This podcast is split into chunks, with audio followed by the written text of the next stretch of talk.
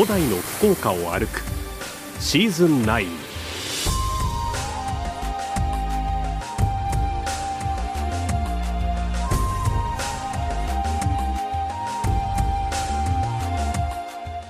遥かな昔海の道からそして陸路を通じて福岡にはさまざまな文化が入ってきました。その足跡を訪ねる古代の福岡を歩くシーズン9この番組は宮間市の企画協賛餃子の山八道の駅宗像の提供でお送りいたします。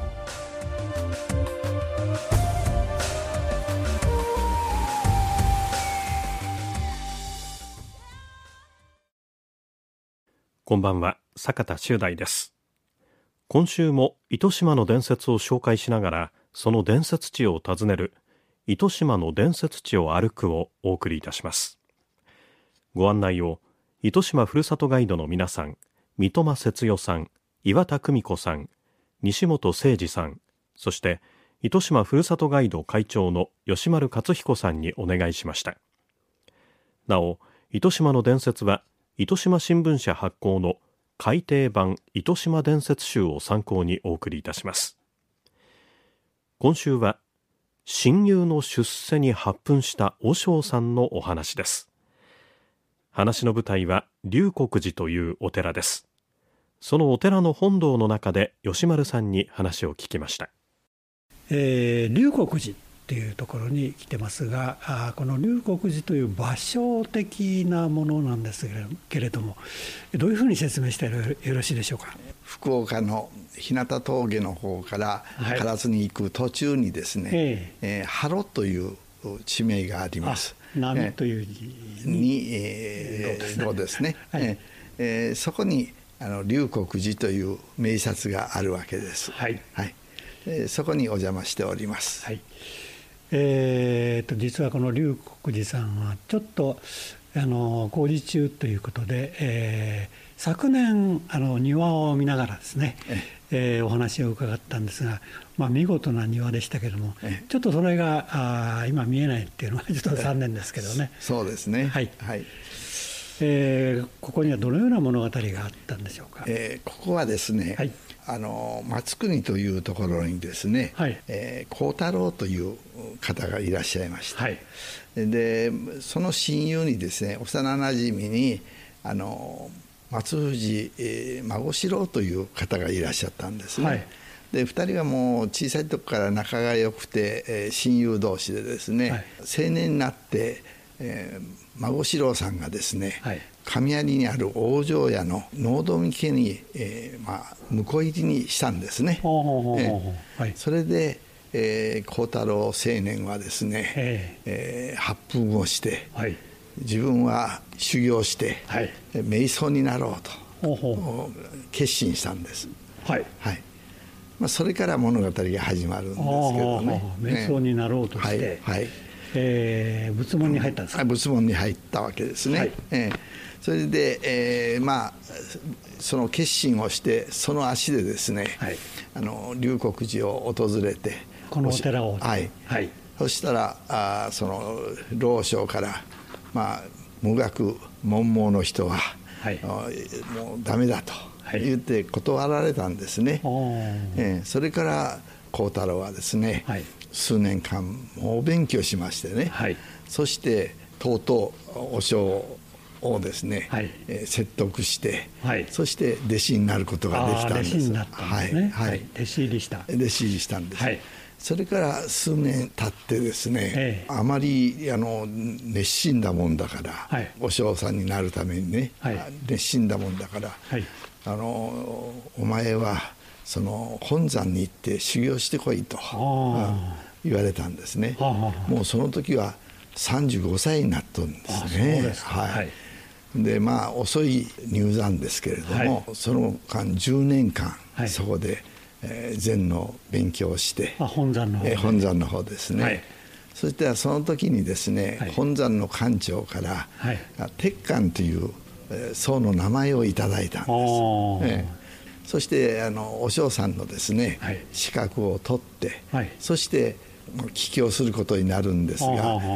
その帰郷先がですね、はい、二条の福井というところなんですね、はい、あの大宝寺というお寺があります。福井の大宝寺、はい、はい、これのですね16代のあの住職になるわけです。ああそうですか、はい、ところが数年経ってですね、えー、自分の師匠さんである龍谷寺の和尚さんがですね、はい。えー、亡くなる前にその自分の龍谷寺の後はその大宝寺の鉄管がよかろうとい。うことで遺言をされたんですね。大宝寺には5年間ぐらいいらっしゃったんですけど、はい、えー、その後この龍谷寺の和尚さんにですね、はい、なるために新山式なんかを行いましてね。そして、えー、新山式。はい。新山式とは何ですか？新山式というのは、はい、あの初めて、えー、そのお寺に入るための、まあ、一つのあの、えー、問答をですね大きな事業として問答をあ、ね、えー、あのかわ戦わせてですね、はい、そしてそのそれに合格したらその寺の住職になれると、はい、そういう厳しいあのあれがあるんですね。はい、私もかつて、うん、えー、一度えー、立ち会って、えー、見たことありますけど厳しいですよなかなか。面白いですけどね。ええ。まあ、あのそういうことでその、まあ、兄弟子のですね、はい、大観っていう人が、その一番最後に最後に出て,、えー、出てくるんですね、はい、そして、えー、仏道と、はい、農道の農業の農ですね、はい、農道はこれいかにって言うんですね。難しい、えー、その時にね、鉄管和尚は、えー、あの農業をやってみらんとわからんと、はい、お前に分かるはずがないと、はい、言ったんですね、えー、そしたらとうとうその体感はですね、はいこの龍谷寺を去っていったと。あ負けたと。はい、そういうことなんですね、えー、それでまああの鉄管は、えー、この龍谷寺の22代目のあの住職に、えー、なるわけで22代目の住職に,、はい、はい、になるわけです。はい。そして孫四郎のですね昔の友達。え友達、はい、喉向きに向こう入りした友達のうちにね、え行ってみたら、はい、利休の設計のですね、はい、あの名園があるわけですね。えそれで、えー、そこでその鉄管和尚は、はい、あの自分の裏山もあの庭を作ろうと、はい、自ら働いてですね、そして数年かけて完成した、はい、これが有名な鉄管園というお庭なんですね。そうですか、はい、そういうお話ですね。はい、それで鉄管さんがですね、はい、この住職に座られたことであの門徒さんもそれから松木の皆さんもね、ええ。ー、まあ、皇徳になった鉄管さんを大変歓迎したと、はい、そういう話でございます。ああ、そうですか。えー、親友の出世に発奮したお嬢さんの物語、はい、ということでした。そういうことです。はい。今度はこの龍谷寺の近くの真田のバス停近くにある楠伝寺というお寺にやってきました。うっそうとした林の中にありました。ここには素晴らしい地蔵尊がありました。以前私あのお伺いした時は、はい、農家のあのお家かと思いました、はあはあ、ところが立派な仏像がありましてね、はい、びっくりしました。あ、まあ、えー、私も入ってびっくりしたんですけどでこれはあの、はい、昔ですね、はい。えー、主宝山仏殿寺という言いましてね、はい、あの糸七かの一つなんです。あそうなんですか、えー、であのインドから来たあの清賀上人という人の会費で、えー、あの聖武天皇時代のまあ、創建だと言われております。はい、ああそう古いですね。えええー、それで本尊がですね、はい、あの地蔵菩薩で、えー、大体高さが1メートルぐらいですね。そうですね。えー、はい。であの物の本には聖徳太子の作というふうに言われておりますが、はい、今ここで初めての地蔵尊のあの額って言いますか、はい、あ見たらあの行基作のようですね。行基が作ったんじゃないかと、はいはい、昔は聖徳太子が作ったんじゃないかと言われたんですね。そうです。はい、はい、えー、ところがあのこれはこの仏像はですね糸島五仏の一つ、はい、有名な仏様の像の一つだと言われておりますね。立派な仏様ですね。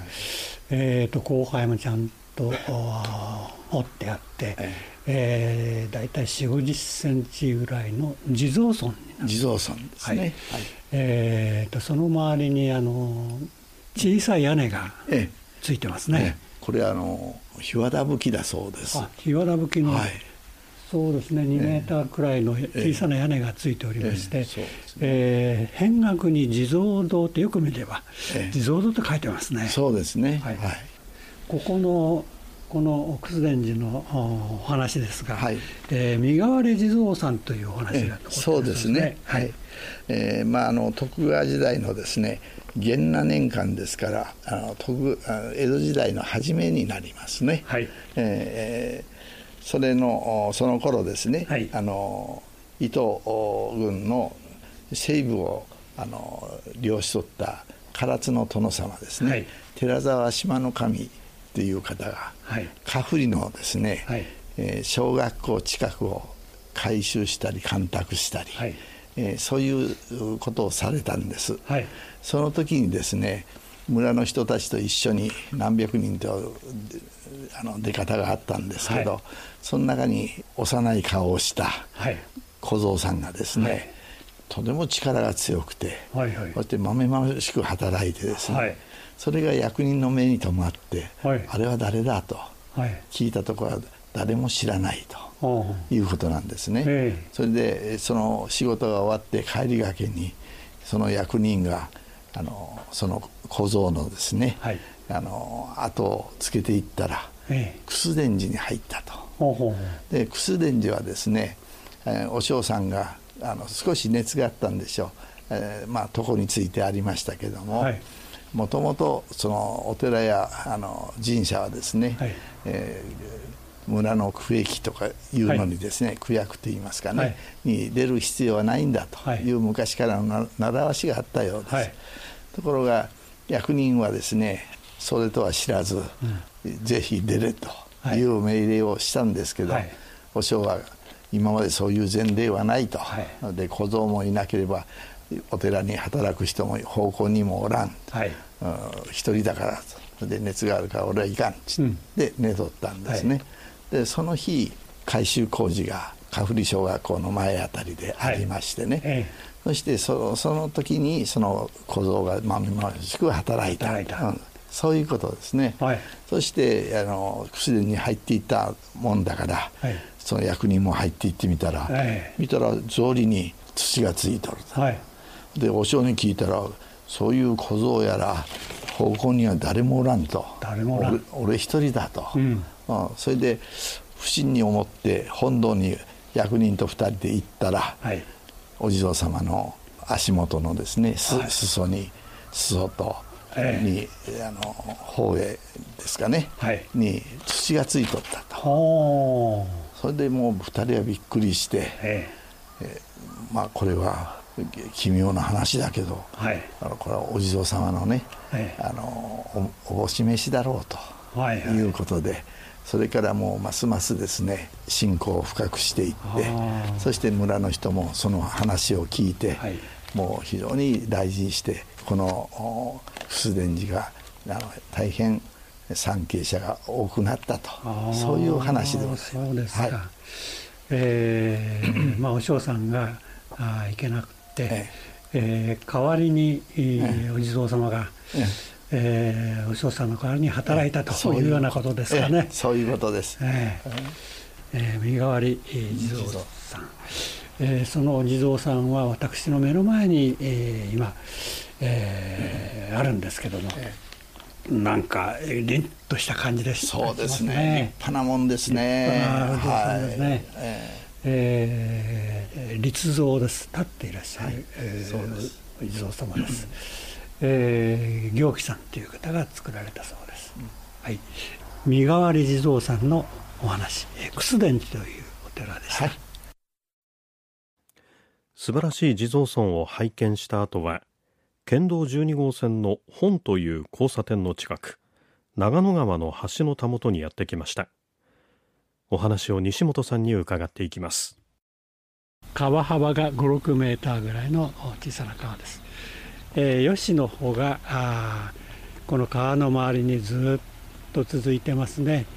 えー、5、60メーター下流の方まで続いている、えー、まあなだらかな川ということはできますが、えー、この橋のたもとですけどもどういうお話があるんでしょうか、はい。えー、ここはですね、えー、今から約260年ほど前ですね、はい、えー、ですから、まあ、江戸時代のちょうど中頃になりますけれども、まあ、法暦10年1760年に起こったちょっと悲しいお話になるんですけれども、はい。あのー親子お母さんと子供がですね、はい、この橋を渡ろうとして、えー、今我々が立っている橋ですね、はいはい、この橋を渡ろうとして、まあ、流されて亡くなられたというお話になるんですけれども、はい。はい。えー、当時ですねあのここちょっと離れた上流のところに瀬津丸という、まあ、場所がありまして、はい、そこにですね初というお母さん貧しいこれ御家さんになるんですけども、はい、がいらっしゃったんですね。お初さん。はいお初さん、はい、このお初さんには3歳になる男の子がいまして、はい、はい、ある日の夕方その男の子がですねすごい高熱を出すんですね、はい、はい、でまあ、すぐにでも、まあ、医者に連れて行きたいところなんですけども、えー、このお初さん、まあ、夫に先立たれたばかりで、はい、まあ、蓄えもあまりなくですね、えー、しかもその世はですねすごい嵐だったんですね、まあ、ですから、まあ、お初さんも、まあ、朝まで待てばという思いでですね、まあ必死の看病を一晩中続けていくんですけども、えー、まあ、一向に熱は下がることなくですね、はい、まあ、子供も時折こう死にそうなうめき声を上げて、はいはい、まあ、初お初さんはまあすごく後悔するんですけれども、えー、まあ、とにかく朝まではということで、まあ、祈るような気持ちで看病を続けます。はい。はい。でまあ、やがてですね、えー、嵐も収まってですね、えー、しらじらと夜が明けてきまして、えー、朝を迎えるんですけども、まあ、もうお初さんはもうお金のこととかも考える余裕もなくですね、はい、とにかく子供を医者に見せたいという思いで、はい。はいえー、子供を背負ってですね、はい、家を出るんですね。えー、で、えー当時ですねこの辺り蛇石と呼ばれる地名になるんですけども蛇石はい。蛇の石と書いて蛇の石。はい、はい、蛇石なんですがまあそこには一軒のお医者さんしかなかったんですね、えー、はいでまあそのお医者さんのところに行くところ時にこの今我々が立っている橋今ちょっと橋の名前変わってますが、はい、当時瀬津丸橋と。瀬津丸橋、はい、はい、今は犬丸橋というふうになってますけども、はい。この瀬津丸橋のとところまで来て、はっと立ち止まるんですね、はい昨日からの嵐で、この長野川がすごい濁流を、はい、でもう瀬津丸橋というふうに、まあ、聞こえはいいんですけど、もう当時は杭を打ってですねそれに板をかけただけの非常に粗末な橋だったんです、ね、板の橋。そうです、はい、はい、ですからそのもう濁流にですね今にも橋が流されそうになってるんですね、でお初さんそれを見てですね、ちょっと諦めかけるんですけども、はい、まあなんせ背負ってるお子さんがですね、もううなってわるわけですから、はい、もうこれは渡らなければということでですね、一歩一歩歩を進めていくんですね。はい、水の中に入ってそうです、はい、もうお初さんの足をですね川の水がこう洗うかのようにですねどんどんどんどん流れていくんですけども、はい、ようやく橋の真ん中ぐらいまで来た時にですね、そこでこうまあ無残にも濁流に飲まれて流されてしまう。ということが起こってしまうんですね。はい、まあ、橋の長さといえばここからえー、一番向こうの橋までですね、はい、まあ、30メーター、はい、あるいは50メーターあったかも分かりませんね、そのくらいの橋がここにかかってたとい。うことですね。はいでそのお初さんとその男の子のご遺体なんですけども、はい、えー、この橋からですね400メートルぐらいあの下ったところですね、はい、左の方ですね、えー、はい、でまあ、そこに、えー、打ち上げられるんですね、はい、はい、でまあ、その後ですね、まあ、特に雨の降る夜なんかはですね、はい、2つのこう火の玉がこの川をですね登ったり下ったりというようなのが目撃されていくんですね、はい、はい、ですから村人さんはもうあのお初さん親子が、まあ、成仏できてないんだとい。うことでですね、はい、えー、まあ、盛大に供養した上でですね、はい、その打ち上げられた場所にですね供養の石塔を建てて、まあ、年頃年頃に弔ったということです。はいでこの橋なんですけど、はい、まあ、今でこそこう立派な橋になってますけども、えー、えー、昭和の初め頃まではですね、まあ、石造りの橋で、はい、その前の大正時代は土の橋ですね。はい、でその前は、まあ、あのあのいわゆる板橋というところで、はい、まあ、特にあの大正時代ですね、えー、まあ、やっぱり風雨が強い日なんですけども、はい、まあ、学童の一人が落ちて流されて亡くなるという事件もあってて、まあ、それ以来こうかなり犠牲者が多く出てるということでですね、はい、魔の橋と呼ばれていた時代もあったそうです。はい。えー、この川も少し、えー、機嫌が悪いと暴れるという川なんですね。すねはい、今は大変穏やかで、えー、静かに流れてますけどもやっぱり雨が降ったり、えー、風が吹いたりすると、はい、えー、大暴れするという川だったんでしょうね。そう、ねえー、そういう物語、えー、病児とともに流された母親流れ天神というお話でした。この物語に登場したお初さんの石像を探しますとありました。着物を着たお初さんが子供を背中に背負った1メートルぐらいの石像が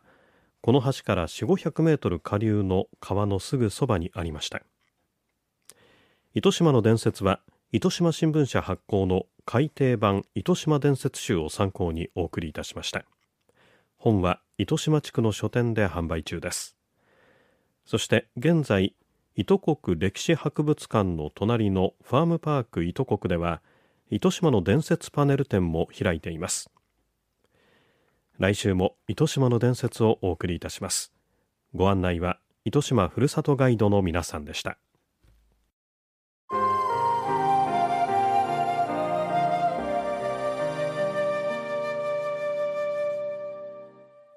ここで古代の福岡を歩くリポーターの中島理恵さんです。こんばんは。こんばんは。今日は宮山市の楽しいイベントをお勧めしたいと思います、はい。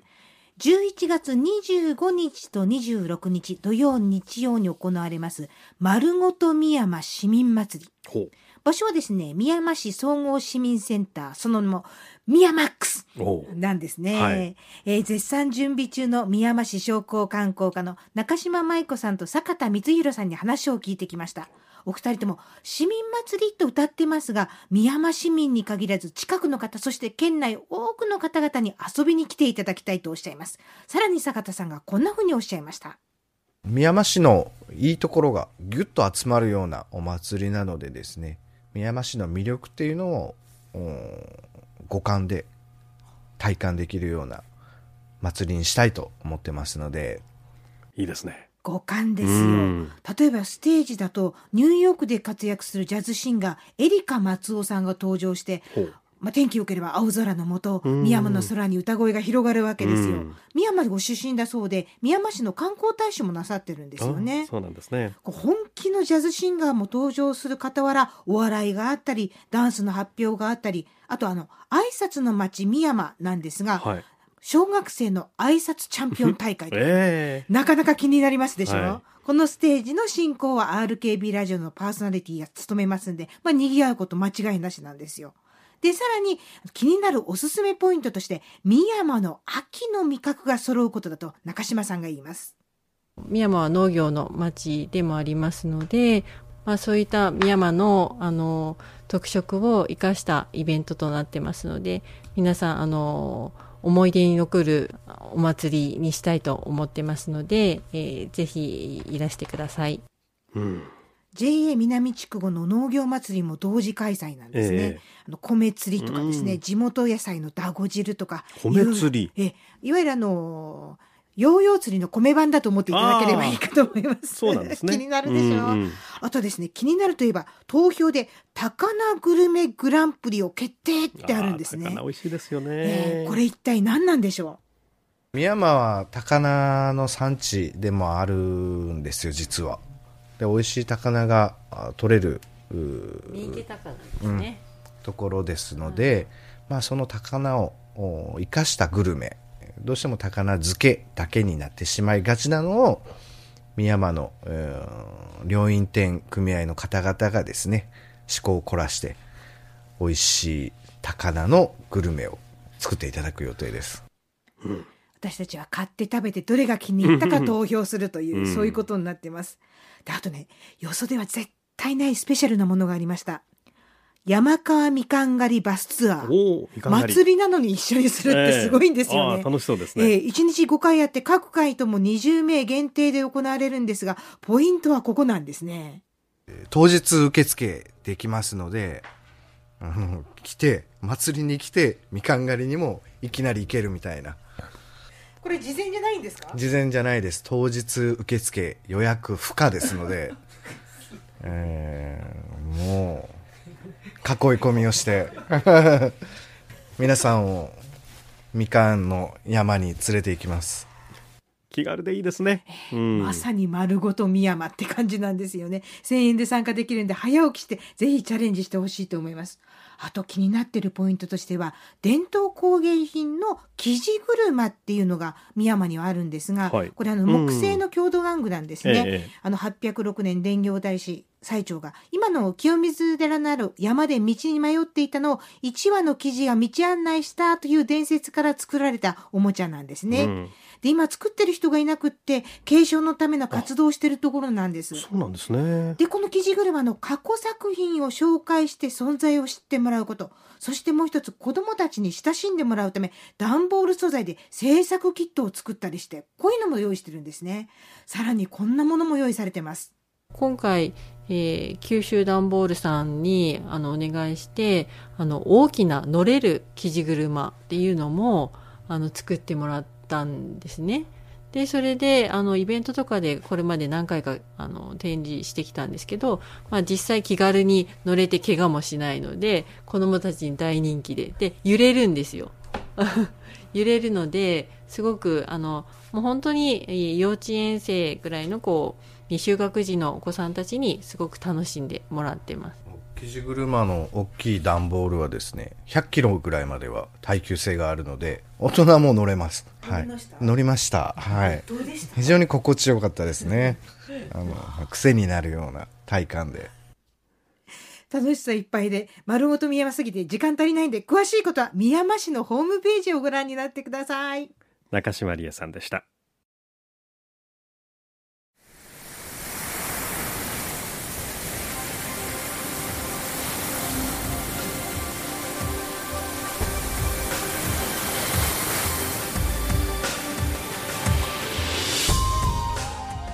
番組のホームページのご案内です。これまでの放送内容と番組を1回目からじっくり楽しむことができます。RKB ラジオのホームページの古代の福岡を歩くシーズン9のバナーをクリックしてください。またラジオクラウドという無料アプリをダウンロードすればスマートフォンやタブレットでもお楽しみいただけます。この番組は宮山市の企画協賛餃子の山八道の駅宗像の提供でお送りいたしましたご案内は坂田修大でした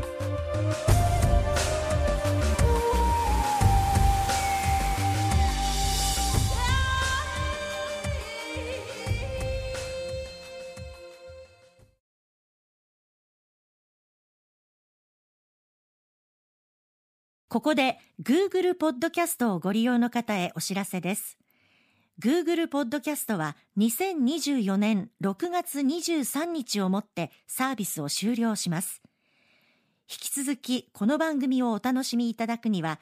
radiko、Apple ポッドキャスト、 Spotify、Amazon Music、YouTube Music、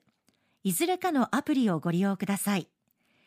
これからも RKB ラジオのポッドキャストをお楽しみください。